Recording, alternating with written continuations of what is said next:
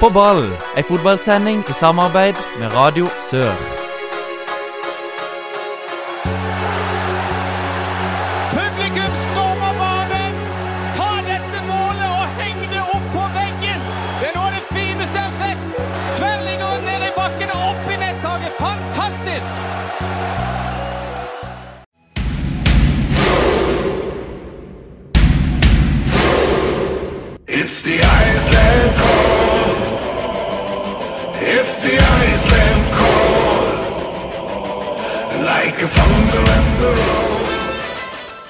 Hjertelig velkommen til en ny sending med På ball. Mitt navn er Håkon Kile. Og eh, i studio i dag, som vanlig, Anders Fladstad. Hei. Og det blir en slags uh, Obos-ligaen spesial, fordi vi har besøk av det. Amund Lutnes, velkommen. Tusen hjertelig takk.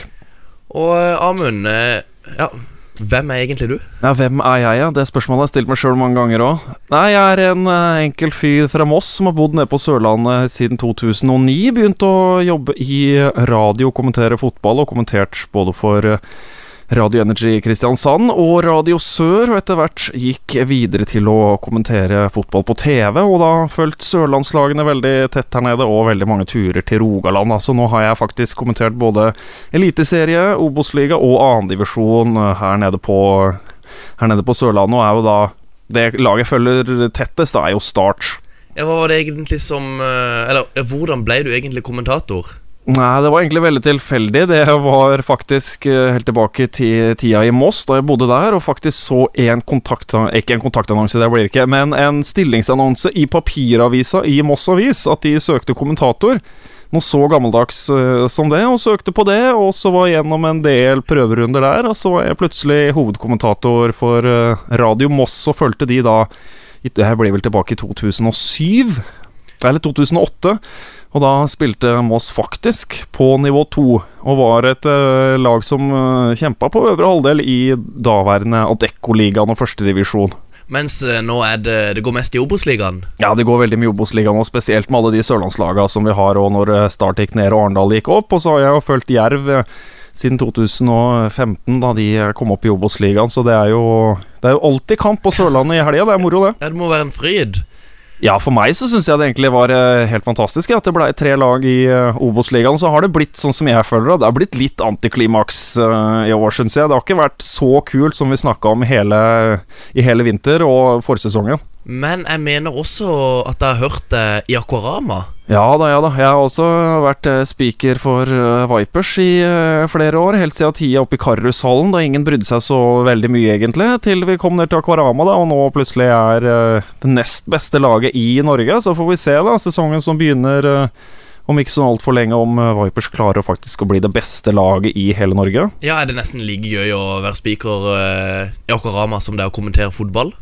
Ja, er, håndball er en veldig spesiell idrett, for at, eh, spesielt når du er på plass i arenaen. For det, det er fullstendig kok i, eh, i 60 minutter. Og det er hvis du plutselig leder med tre mål, leder med fem mål, det trenger ikke å bety noen ting i det hele tatt. Plutselig på fem minutter så er det helt uh, snudd igjen. Men eh, vi må over til fotball. Eh, har du en eh, favorittstudio hvor du lir, hvor du lir best å kommentere? Det er Sør Arena. Det er Sør Arena. Ja, Sør Arena er det beste jeg stort Jeg har ikke vært på alle arenaene i Eliteserien ennå, men eh, Sør Arena er helt nydelig. Er det der det er best servering også? Nei, den Ja, nå er det faktisk ganske intens kniving, uh, syns jeg, med serveringa. Arendal leverte veldig nå på tirsdag med amerikansk uh, Med amerikansk mat, siden det var uh, 4. juli. Grimstad og kjempebra mat i Grimstad. Og Start bra der òg, for all del, altså. Så det er mye Sandnes, og der er det alltid pizzabakeren. Det er jo en sikker vinner. Sikker vinner, pizzabakeren er nummer én, den enkleste pizzaen. Men har du en, eh, en kamp du har lyst til å trekke frem som er den sykeste du har kommentert? Den sykeste Ja, det er vanskelig å komme på, men eh, i hvert fall det som eh, var Det var vel i 2015. Da var det Follo mot eh, Jerv mot Follo på Levemyr. Siste serierunde. Og det var jo da en sesong hvor det var fullstendig kaos i både topp og bunn. Og syv minutter på overtid så kommer Oi Omoyanfo seg løs på venstresida, slår inn, og der er Glenn Andersen på plass, setter 2-2, syv minutter på overtid. Noe som gjorde at Sandnes Ulf ikke fikk kvalik. Jerv fikk kvalik. Er Follo gikk ned, og Fredrikstad holdt seg. Det kokte det vel på Levermyr. Ja, det var, det var helt vilt. Og det var det siste sparket. Og det, og det, det villeste var jo da at pga. det målet, så rykka jo også motstanderen på Levermyr Follo ned. Riktig, Akkurat når det målet kom. Vi må, vi må ha en liten pause og er straks tilbake. Og da skal vi se på, på sørlandslagene i Obos-ligaen. Og heia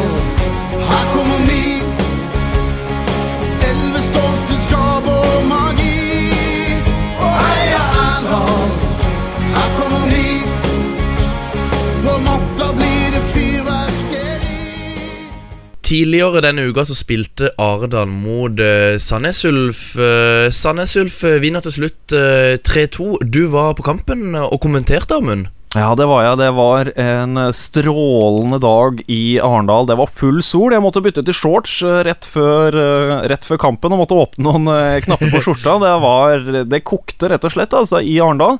Så fikk vi også en veldig fin kamp, som vi har blitt litt kjent med Arendal de, denne sesongen her. Så går de ut i 250. Ja. Og presse på i starten, presse på. Endelig da så fikk de jo det målet sitt. da Et nydelig mål av Fabian Stensrud Næss, som skader seg akkurat idet han uh, setter ballen i mål. Ja, ja, jeg syns det var litt vanskelig å se hva som skjedde. Nei, det var noe med kneet. Det var noe med kneet, altså, så han måtte byttes ut med en gang, og da gjør Arendal egentlig det eneste grepet som de kan gjøre. De setter Petar Renkovic på topp, som var i midtforsvaret, og så setter de inn tidligere fløyspiller eh, Marius Andersen i midtforsvaret. Veldig synd det, for Fabian Stensrud Næss eh, fikk endelig prøve seg i midten, av de tre på topp. Knallfint mål eh, av han, og var veldig toneangivende i starten. Bra innlegg av Pepa. Ja, Kjempebra. Men hvorfor kunne ikke de flytte han opp på topp istedenfor å flytte Rankovic opp? Altså dytte, dytte Pepa i Dytte midten. Pepa i midten, ja. Ja, nei, det er eh, absolutt mulig det, men da er det noen som måtte ha hatt uh, kantsituasjonen. da. ja. Har de, Ad, har de. Adnan, Adnan Mohammed er jo sendt tilbake, som pleier å være på høyrevingen. Så, så det er liksom det Stort sett så har det vært liksom det eneste grepet som Arendal kan gjøre offensivt, da når det øh, kommer i hvert fall en skade på midtspissen. Og Pepa var jo veldig god på kanten. Men så er det noen uh, få eh, Sandnes Ulf-minutter der som, uh, som snur kampen, må jeg kunne si. Ja, magi. Rett og slett. Hva er det som skjer? Ja, det ka- det er jo da det lokale bekken og sliteren av Kenneth Sola, som har vært på venstrebekken der i mange år i forsvaret til eh, Sandnes Ulf, dunker til. Drømmetreff. Ja, det er drømmetreff, men det er også litt svak keeperspill. Litt det. svak. Jeg syns ikke han står helt riktig, men det målet til Thomas Christoffersen Jeg husker jeg og Roger Isholt i boksen sa at eh, han her er god på frispark. Og så fikk vi da et levende bevis på hvor god han er på frispark. Det var 100% perfeksjon på det frisparket. Vrir det over muren og helt opp i vinkelen. Klarte Arendal å komme med en ordentlig sluttspurt utover i andre omganger? Ja, det Nå gikk det jo en liten stund utover i andre gangen, og Sandsulf syns jeg hadde ganske grei kontroll. Så kom et 3-1, og da må jo Arendal få en sluttspurt. Men de har ikke så veldig mange strenger å spille på. Det er liksom det som har vært litt av problemet til Arendal. De kan ikke gjøre så mye forandringer. Så satte inn da en halvskada Rasmus Linge Lenge Christensen eh, mot slutten av kampen. Nå skåra jo han nå, da, men da var det 92. minutt, så det blei det ble ikke et skikkelig koke mot målet til eh, Sandnes Ulf. Så er vel kanskje et av poengene da Kanskje ikke Arendal eh, har nok krefter da til å spille den fotballen som Mathias Andersson har så veldig lyst til. For de brukte veldig mye krefter i solsteika i første omgangen og blir litt tamme i andre omgang. Og nå ligger de jo, de ligger jo sist med kun to seier, er det vel? Og ja, Ser de fortapt ut? Har, har Arendal noen sjanse i det hele tatt? Ja, det er absolutt sjans. Det er hele 15 kamper igjen, og det deles ut tre poeng eh, i alle disse 15 kampene, så alt er mulig. Men eh, nå, er det nå står de med ni poeng, opp på sikker plass. Der er Åsane, og der er det 16 poeng nå, så det er, det er 7 poeng opp til Åsane på sikker plass. For 14.-plassen gir jo kvalik, og kvaliken det tror jeg ikke er noe man skal satse på i det hele tatt. Det tror jeg blir knalltøft. Eh, Carl Gunnar Ellefsen eh, spør oss eh, rett og slett spiller Arendal i Obos neste år. Jeg synes det er Jeg har drodla mye med det de siste dagene, hvilke to lag som går direkte ned. Og akkurat nå så er det jo vanskelig å si noe, si noe annet enn at Arendal er ett av de to lagene som går direkte, re, direkte ned. Sammen med Elverum, som har 13 poeng. Ja, så Elverum henta han eh, og Naidson, han eh, keeperen til Molde, på lån nå eh, nylig. Det kan bli en viktig signering. Mister Laoti i vingen sin, Elverum. Det kan nok bli skjebnesvakt. Men det kommer et overgangsvindu her nå, så jeg tror ikke vi skal ta så veldig mange konklusjoner egentlig før det har kommet inn noen signeringer til og fra. Men Arendal ligger veldig dårlig an. Åsane kan eh, fint rote seg inn der. Ullkisa inne i en kjempedårlig form. Så det er veldig mange om beinet i bunnen av Obos. Hva tilfører egentlig Kovac dette Arendal-laget? Ja, hva skal han si, da? Det er jo, det er jo ekstrem rutine, da. Han er jo snart 40 år. Helt ute i uh, frys fryseboksen i Sandefjord. Ja, men kan du ikke, for, kan ikke forvente noe annet heller, egentlig, når du er nesten 40. Og Ja. han spilte ikke all verdens bra i fjor heller, i Men Obos. er det en riktig mann å hente? Det er vel også noe som er kriteriet når man kjemper i bunnen der, at uh, hvor attraktivt er det å dra til Arendal? Mm. Og bli en del av uh, Arendal-laget. Og Peter Kovac var jo veldig, veldig fin og snakka om det i studiet på Eurosport i går. Da. Han har jo spilt overalt i hele Norge, så nå skal han prøve Sørlandet helt nede i sør. Har jo vært oppe i Tromsø i nord, så har han vært eh, vært på Vestlandet i Viking, så nå skal han ned til Sørlandet og trigges jo av dette her da, og hjelpe Arendal til å holde plassen. Og Øyvind Dalseth også nå klar som assistenttrener i Arendal. Jeg snakka med fløyspiller Magnus Hallandvig tidligere Start 2, og han sa det at Øyvind Dalseth var en som hadde veldig sånn eh, klare kamp, kampplaner og grundig analysearbeid. Noe som eh, ja, han kanskje, viste deg i den Start 2-kampen hvor de høvler over eh, Pors og, og Fløy. Mm. Så det kan være god hjelp for Mathias Andersson det å få Øyvind Dalseth inn der. Ja, og det her har vært også et kriterium kriterie for Mathias Andersson å få med seg eh, Øyvind Dalseth. Og så er det så klart litt papirarbeid da for å få, eh, for å få han eh, klar. Han var jo faktisk også assistenttreneren til Steinar Pedersen i fjor i start i, eh, da de var i Eliteserien. Så fikk jo da han før sesongen inn eh, Andreas Jensen fra Jerv, som han også var assistent eh, Som også var assistenten til Steinar Pedersen i Jerv. Så dette er en mann som eh, Mathias Andersson absolutt vil ha med på lasset, og er en eh, fin forsterkning for Arendal. Er er det noen, noen klare spillere eller ting som er skuffa i Arendal? Eller hos Arendal? Ja, Det er jo da de to tinga som er det aller enkleste å trekke frem. At ikke de skårer nok mål, og så at de slipper inn veldig rørete mål. Sånn som det 2-1-målet på Mm. Sør Arena. Stray får han i ryggen, og Aaland tar ikke ansvar. Uheldig så klart Arendal, som, ikke, som har fått ute Anders Gundersen med skade. Nye keeperen de henta før sesongen. Det er jo så klart eh, vært Det- ganske negativt for Arendal. Ja, det er en stor svekkelse. Ja. Vil et nytt stadion på Bjønnes 1. august eh, ja, gi en eh, ny glød eh, i gruppa? Ja, jeg håper jo det, da. Det ser jo Jeg har bare sett noen bilder på internett ja, fra Agderposten om hvordan det kommer til å se ut, og det kommer til å se veldig flott ut. Det var 1007 stykk på plass på Myra i, i går. Veldig spent på hvor mange Arendal klarer å samle på den nye arenaen. Om dette her blir en ny greie i Arendal, å gå på Arendal-kamp, at det skal bli en tradisjon. Ser det sånn som det tok litt tid i, i Grimstad med Jerv for å få litt, eh, litt tradisjoner til å på, til å gå på kamp? Det hadde selvfølgelig vært, eh, vært moro for gutta i Arendal. Når vi er tilbake, da blir det snakk om Jerv. Fotballklubben Jerv i våre hjerter. Fotballklubben Jerv fra Grimstad by. Forrige helg da slo Jerv Ullkisa 6-2. Og eh, Amund, du kommenterte eh, kampen, og lot du det imponere av Jerv? Er imponert, veldig imponert av Jerv. Agderposten skrev vel champagnefotball på Levemyr og ketsjupflaskeeffekt. Det var det så absolutt. Jerv skåra på alle sjansene sine omtrent. Alt satt. Og det begynte jo allerede etter eh, ja, skal jeg si, det var vel rundt 40 sekunder, så vrenger eh, Andreas Hagen bare ballen opp i vinkelen, og da var egentlig den der kampen litt satt da, med en gang. Ja, for Jeg satt jo her i Radio Sør-studio faktisk og dekka den kampen. Jeg dekka Ranheim-Florø. Mens eh, med, ved min side så hadde jeg Mats Westgård, og han dekka denne kampen. Og han hadde jo noe Altså Det skjedde noe, noe på den skjermen hele tida. Var det sånn? Det Ja, det, det var hele tida. Og så er det jo det når det blir skåra åtte mål i en kamp som varer i 90 minutter, da er det stort sett noe som skjer hele tida. Og eh, Jerv har de nå for alvor eh, begynt å se oppover på tabellen.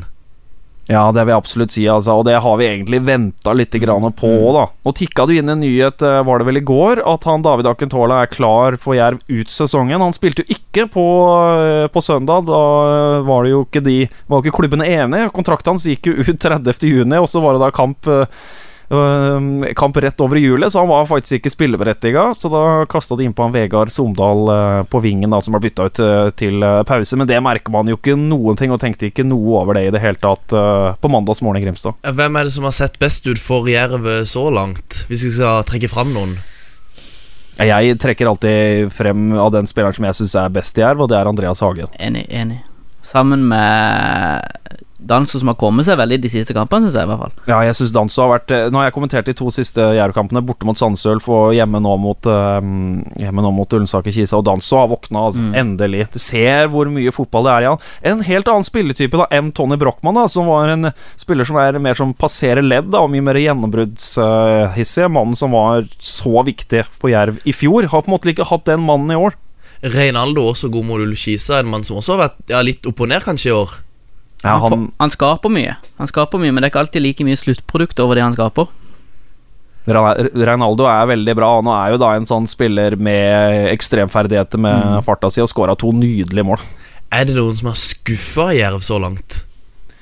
Ja, hva skal en si? Jeg er skuffa. Det er jo ganske mange som Eller Jerv som lag syns jeg har uh, skuffa, i hvert fall poengmessig. De eh, har jo hatt uh, spillemessig overtaket i, eh, i flere kamper. Men så har det også vært noen sånne kamper, sånn som f.eks. borte mot Bodø-Glimt. Greit at det er et godt lag, men liksom sånn helt kollaps og tape 4-0, det har ikke Det har ikke Jerv hatt for vane i de eh, to åra før i Obos-ligaen. Jeg pleide å ha vært eh, veldig bra. Si En av de spillerne som jeg syns har skuffa veldig hos Jerv, er jo Alexander Lind, da, spissen, som på en måte veldig, har egentlig vært veldig god i de to siste åra. Som på en måte ikke har ordentlig kommet i gang i det hele tatt, selv om han har to mål. Men er det sånn at uh, Jerv nå faktisk Ja, de har en ørliten mulighet til å nå playoff. Alle muligheter er åpne Ja. i Obos-ligaen, Ja. for der slår alle Alle sammen slår alle, så der er det helt vidt åpent nå. Ja, Kommer du inn i en god steam der, så er det fullt mulig Og så nå playoffen. Ja da, det er kort vei oppover på, på tabellen her. Men Jerv, må de hente, noe, må de hente noen nye spillere, da? Ja, jeg er veldig spent på hva de gjør, kanskje helt på topp på spissplassen. da Jakob Toft uh, er en uh, OK spiller, det er for all del, altså, men uh, jeg ville ikke lagt alle mine egg i kurven til Jakob Toft. Jeg ville kanskje sett på en spiss, men så har du Alexander Lind der òg, da. Plutselig han nå med litt pause i Obos-ligaen, og så kanskje han kommer som et skudd på, på høsten. Hvem vet? Rosenborg i cupen i august. Er det, hva kan vi forvente oss av, av den matchen der? Ja, det er jo et Rosenborg-lag som vakler veldig, da. Jeg satt jo og så på kampen mot uh, Kristiansund. Uh, var vel nå på, nå på mandag. Rosenborg rører veldig, selv om de da leder uh, Eliteserien. Og ja, i august da kanskje Jerv har funnet seg en god rekke med kamper. Og så, som jeg leste, så er det utsolgt på Levermyr, så det blir en fantastisk kamp. ja. Så det blir en fantastisk kamp. Og så I den perioden så har vi jo snakka litt om tidligere at eh, Rosenborg skal prøve å komme inn i Champions League. Det er midt imellom eh, den cupkampen, og så rett etterpå det så igjen så kommer det en kamp mot Molde. Så skal ikke se helt bort ifra at Jerv kan kanskje overraske litt på Levermyr der. Ja, Rosenborg må møte opp på Levermyr. Altså. Det, det er ikke bare å hente, på, hente, av, av, hente avansementet nede i Grimstad. Men uansett, ut ifra sånn som det ser ut nå Det ser litt lysere ut i Grimstad enn hva det gjør i Arendal om dagen. Ja, Arendal eh, er jo da faktisk bare på fattig ni poeng etter 15 kamper, og det var nok veldig mange i Arendal som hadde store forhåpninger om at man eh, kanskje skulle være oppe og knive om en, eh, om en av kvalifiseringsplassene, og det har det jo ikke blitt i det hele tatt. Det nærmer seg en ny lange sone. Vi må ha en vannpause. Heng med.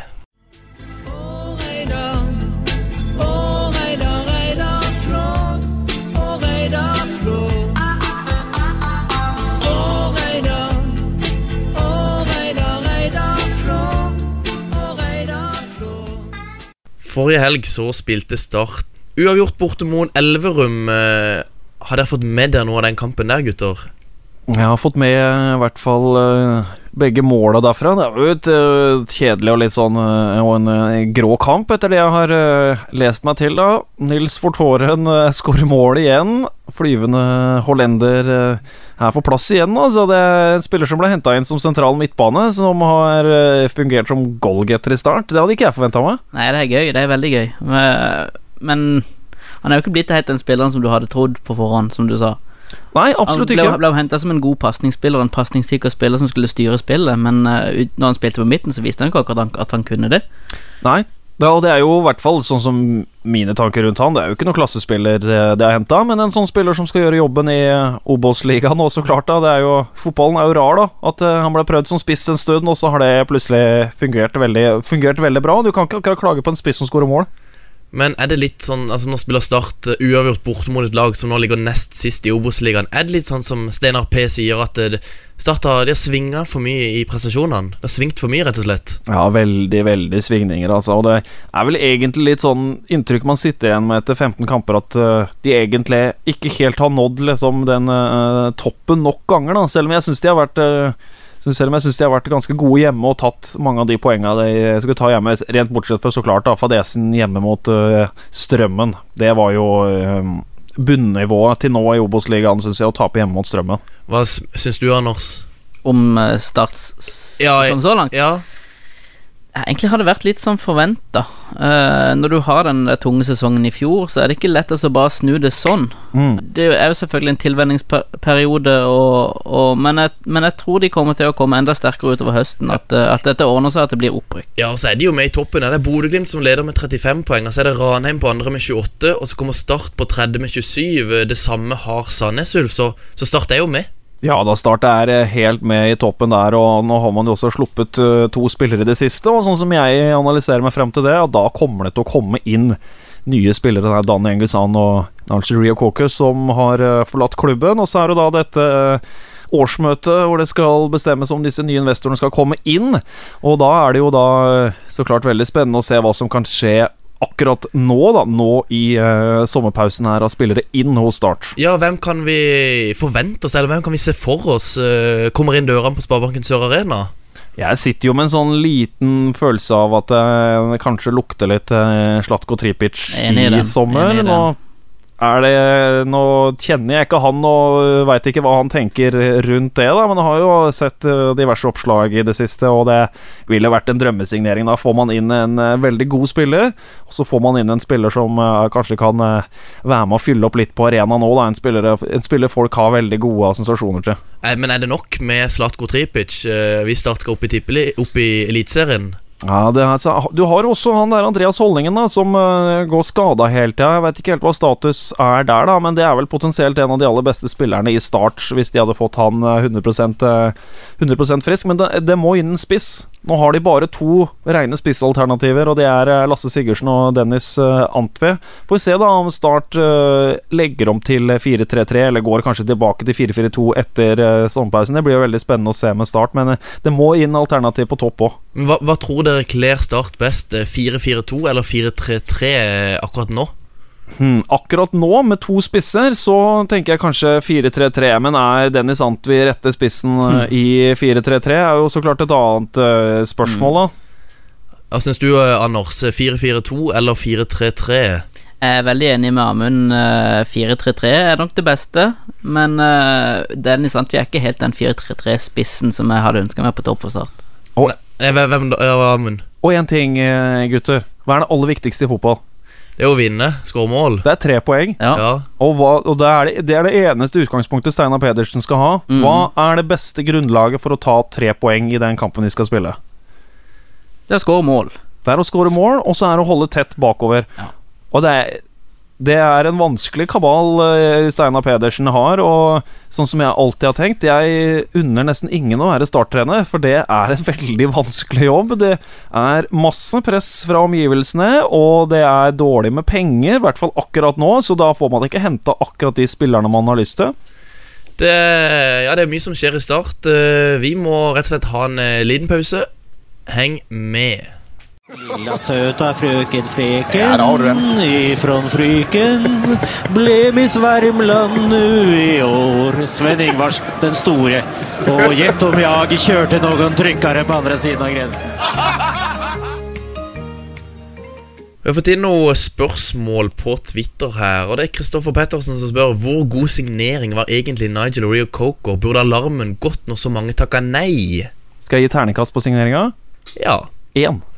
Helt enig. vi, vi kan jo bare si oss enig i det. Terningkast én. Soleklar ener. Nå, han, han var jo på prøvespill i Granada òg rett før han, han eh, kom til start. Ja, med Tony Adams Ja, med. Tony Adams der. Og hadde visst fått lovnad om at han skulle spille på Granada hvis de klarte å holde seg i La Liga osv. Men uh, Ja, det kan jeg ikke fatte og begripe. Nei, men det er jo Tony Adams. Ja, det, Jeg kan ikke fatte og begripe at det skal være en spiller han skal ta med seg. Jeg husker jeg så en, jeg, Eneste kampen jeg har sett den live, da Det var uh, i bortekampen mot Fløy i cupen. var helt krise. Ja, han var ikke, han var ikke veldig god mot uh, Fløy for Start 2 heller. Han uh, påsto jo at han var boks til boks, men uh, hvis boks til boks er å ligge inne i midtsirkelen og løpe fram og tilbake der, så kan vi være mer enig. Da Start må jo mye heller satse på, på lokale unggutter enn å hente inn en sånn type spiller. Ja, det var jo da rett og slett Det var jo en krisesignering da i en uh, krisetid hvor de plutselig fikk to skader uh, veldig tett uh, Veldig tett innpå hverandre, og det funka jo ikke i det hele tatt. Og det har jo Start også sagt, da, at det var en, var en gambling. Mm. Men vi, hvis du ser litt an på det, hvor, hvorfor kunne de ikke bare gitt Mikael Ugland sjansen? Ja, da ville det gått utover Start 2, da, kanskje. Ja, er han ikke klar for uh, Obos-ligaspill, han? Jo, hadde, Jeg tror han hadde gjort en minst eh, like god jobb som eh, Nigel Rio Coker. Ja, og hvis han visstnok skal være større talent enn Christensen og være med på landslaget i eh, U17-EM og alt sånn, og så ikke få spille, ikke få sjansen i det hele tatt når sjansen først kanskje er der Merkelig, det var merkelig signering. Men er det noen andre spillere som Start ja, bør hente, eller som kan kanskje være litt aktuelle?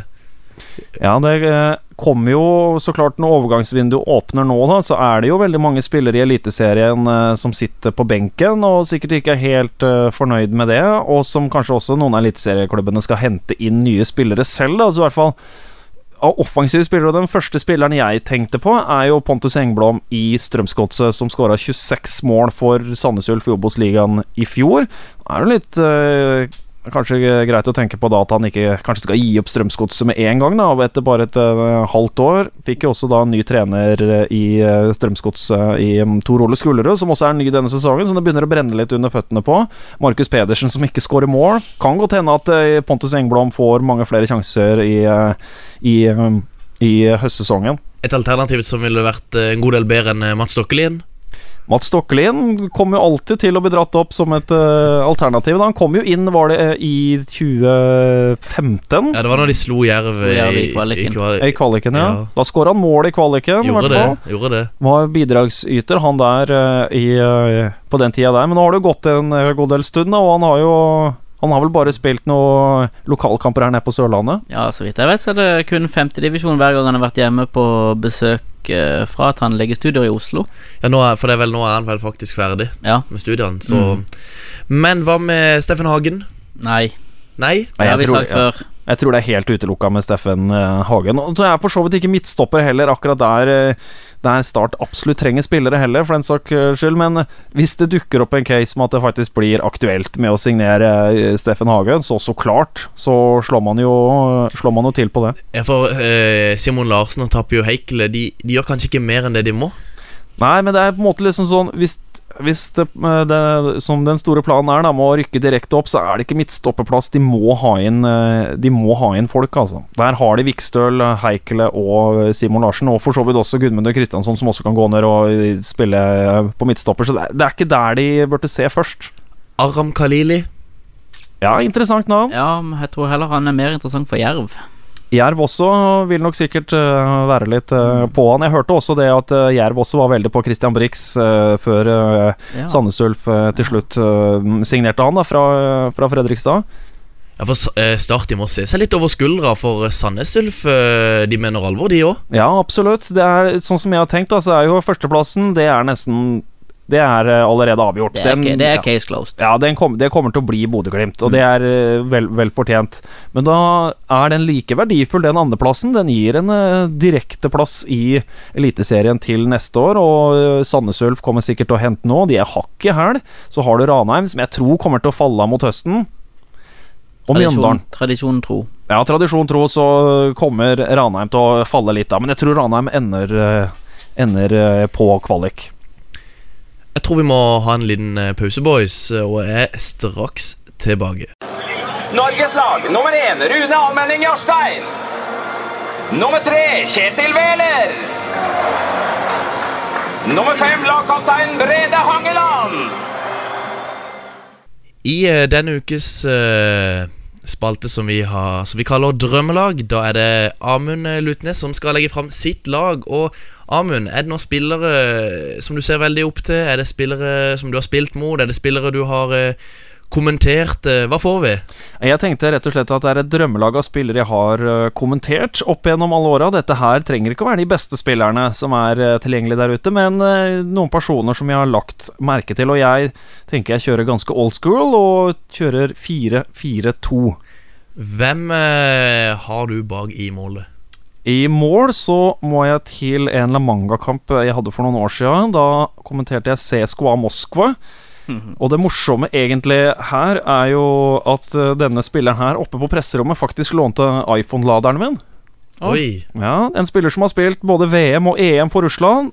Drøssevis av landskamper. Legende i CSKA. Aldri spilt utenfor eh, Russland, selv om han har blitt linka i veldig mange år, og det er Igor Akinfev. Ja, selvfølgelig. Igor Akinfev. Ja. Knallgod keeper. Veldig god keeper. Han holder vel på enda, han? Ja, ja. Han, Ja, da, han er ikke mer enn litt over 30, er han ikke det? Ja, nei, han er i full vigør, han. Ikke verst, ikke verst. Skal vi da gå videre da til høyrebekken, som er den eh, beste spilleren på dette laget her, uten tvil i det hele tatt. 134 landskamper for Kroatia. Kommenterte jeg nede på La Manga. Spilte, eh, spiller da og spiller fortsatt i Sjaktar Donetsk nede i Ukraina. Har vært der siden 2003. En spiller da som eh, kan egentlig si det har en sånn spesiell aura rundt seg. Han har vært veldig tro mot Sjaktar Donetsk. Jeg tror han kunne spilt hvor som helst i hele Europa. En eh, knallspiller. Jeg vet ikke om noen av dere klarer å gjette det til hvem det er. Jo da. Dario Serna. Dario Serna. Ah, Dario Serna har også spilt mesterskap eh, for eh, Kroatia. Ja, han er god. Veldig, veldig god. Klassespiller. En av de beste pasningslegerne jeg noen gang har sett. Helt vill fot på Dario Serna. Også en spiller jeg også eh, brukte for noen år siden, alltid på FM òg. Mm. Var, var god der. Ja. FM så klart er fotballmanager. Ja. Det, det veit vel alle lytterne her om. det vil jeg tro. Ja. Vi går videre til Forsvaret. Jeg tenker jeg kjører litt lokalt der. En spiller som eh, det alltid eh, har vært litt eh, snakk rundt. Jesper Mathisen. Ja da. Driblende midtstopper, som også jeg husker, husker han som. Jeg har også kommentert noen fantastiske mål. for Han har dunka inn noe frispark. Alltid litt snakk rundt Jesper. Det er det hele tida. Husker spesielt, spesielt Rosenborg-kampen for noen år siden, hvor han sto og krangla med Perry. Ja. Det er en sånn spiller man alltid legger merke til. Ja, men Det er jo gøy når det er litt uh, snakk eh, rundt i kulissene, er det ikke det? Jo, det er jo det, akkurat det som er moro, og det er jo litt det laget her er tufta på. Da, spillere som på en måte man har lagt litt ekstra merke til. Midtstopperkollegaene hans, som jeg tror ikke de har spilt midtstopper sammen, men de har vært på lag sammen og gode venner. Og det er en spiller som nå spiller i eh, Skottland. Kristoffer Ayer. Ja. Ja. Der har du stopper du jo. det er en fin stopperduo, eh, tenkte jeg. Jeg kommenterte også, husker jeg, det første målet til Kristoffer Ayer. Da var han bare 16 år. Var det, var det mot Lille- Lilles? Det er mot uh, Sarpsborg. Sarpsborg. ja. Sarpsborg. Og Stemmer han var jo, Den Lillestrøm-kampen eh, var jo den han var kaptein, var det ikke Mm, det? stemmer det. Som, uh, han var kanskje bare 17 år, da. Og Veldig spent på utviklinga til Kristoffer Ayo. En spiller som også snakker litt i media og leverer på banen, bl.a. nå sist for eh, U21, selv om han egentlig ikke fikk lov til å spille den eh, kampen. Da kom det jo fram i ettertid. Fått gode skussmål av Brennan Rogers så langt i preseason, har jeg sett. Veldig spennende å følge Kristoffer Ayer, som nesten Absolutt. regnes som en lokal spiller her nede. Mm. Absolutt, absolutt. Ja. Selv om han da er fra Rælingen, likevel Lillestrøm. Så kommer det en uh, spiller som kanskje er den mest ukjente. Det er en russer igjen. Vi skal tilbake til eh, CSKA Moskva. 120 landskamper. Granittblokk bak i eh, Forsvaret, som dessverre nok får venstrebekkplassen her. Skulle nok kanskje heller, uh, heller blitt dytta inn, inn i midten her. Men det er Sergej Ignasevic. Dere har garantert sett han i landskamper for eh, Russland. Pleier å danne midtstopperpar med han derre Beresutske.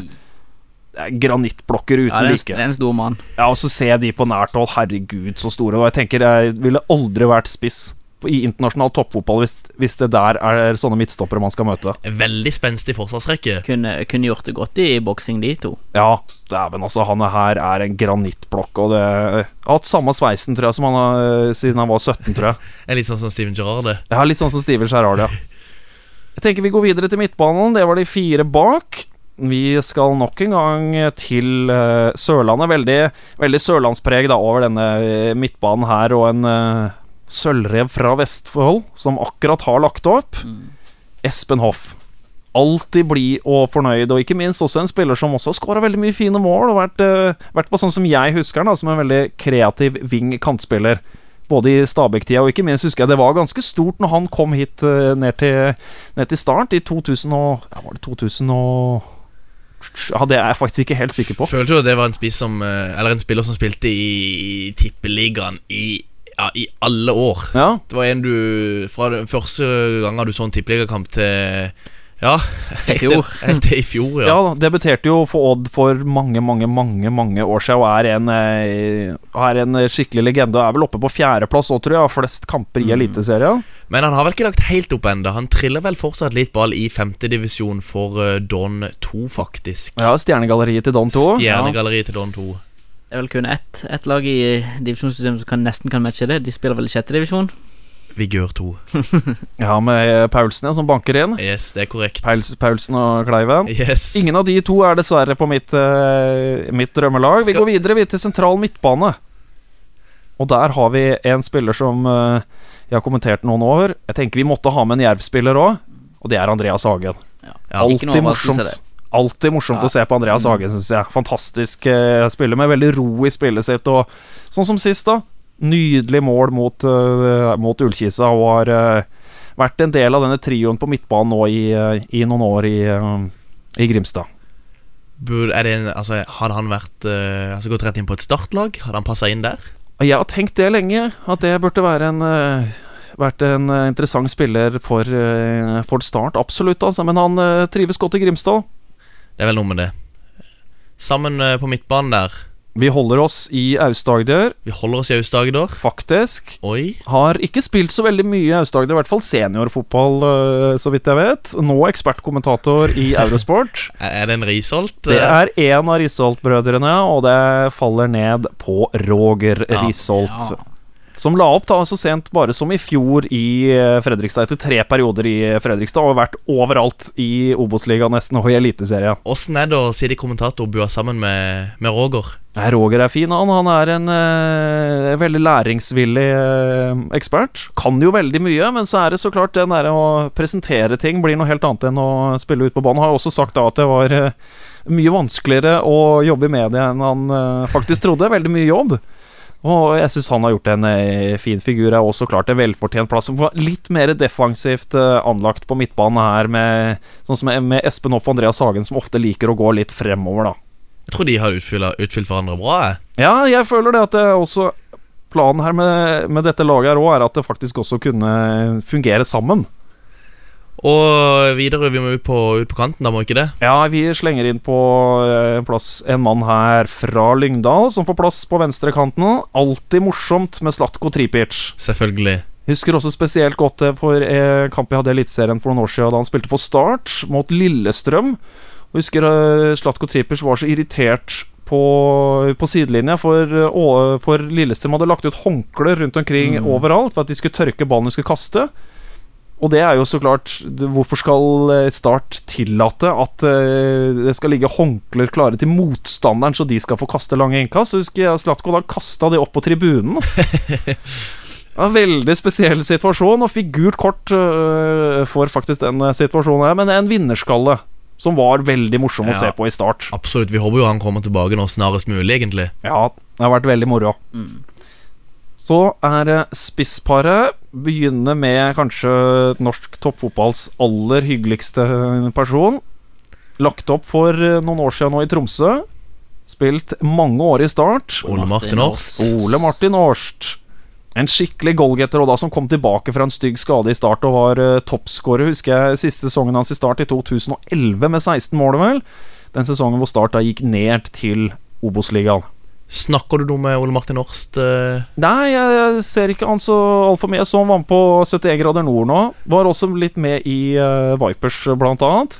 Veldig hyggelig, hyggelig mann, og som også da avslutta karrieren oppe i Tromsø. Riktig, riktig. Og så tenkte jeg da, for å komme med en sånn liten uh, overraskelse, for det er jo ingen kvinner på dette laget her. Oi! Så da tenkte jeg vi skulle gjøre plass til en uh, spiss som har vunnet champ. Ja, som har blitt kåra til det.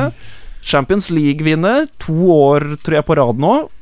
For Wolfsburg, stor stjerne på landslaget. Skal spille EM-sluttspill for Norge nå i sommer i Nederland.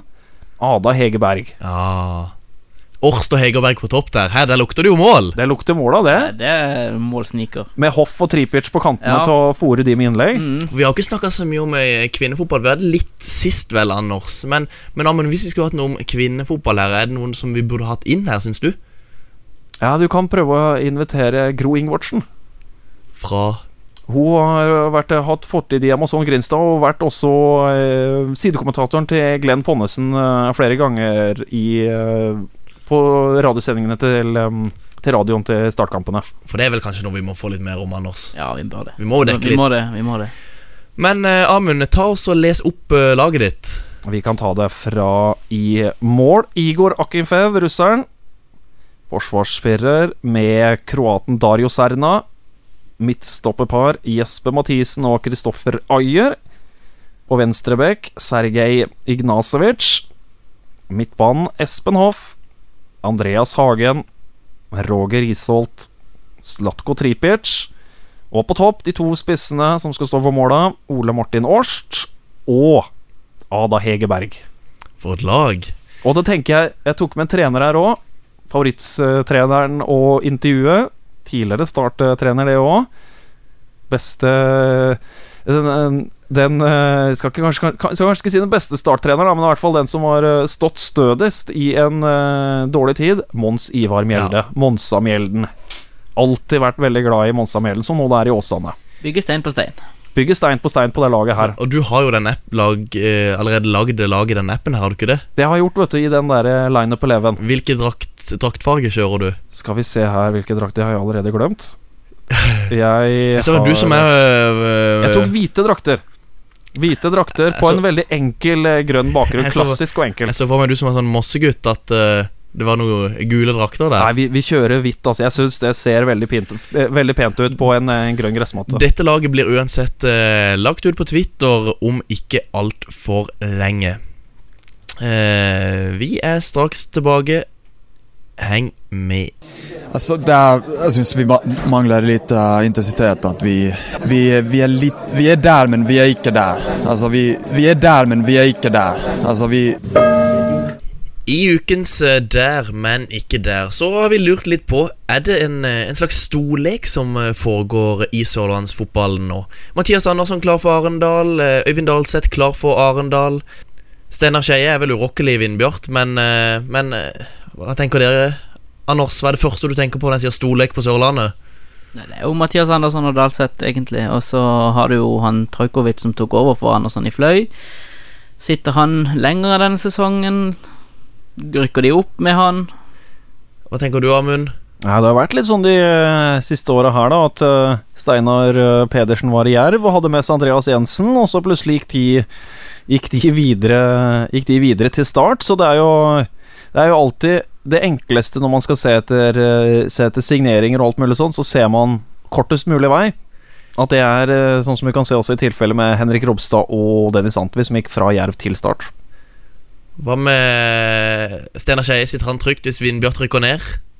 Jeg tror det. Jeg tror Steinar Skeie bestemmer sjøl når eventuelt han er ferdig som uh, Vindbjart-trener. Han er jo den aller viktigste skikkelsen i, uh, i hele den klubben der, og er liksom uh, Ja, den eh, personen da som eh, som virkelig står for dette den krydder, krydderfotballen der ute. Og jeg tenker jo da La oss si f.eks. at Steinar Skeie tenker at eh, nei, nå har ikke jeg lyst mer. Mannen begynner å bli eh, snart 60 år. Har vært eh, kjempelenge i Vindbjart. Hva skjer med Vindbjart hvis Steinar Skeie ikke er der lenger? Blir det krydderfotball da, eller blir Vindbjart bare en klubb i eh, mengden?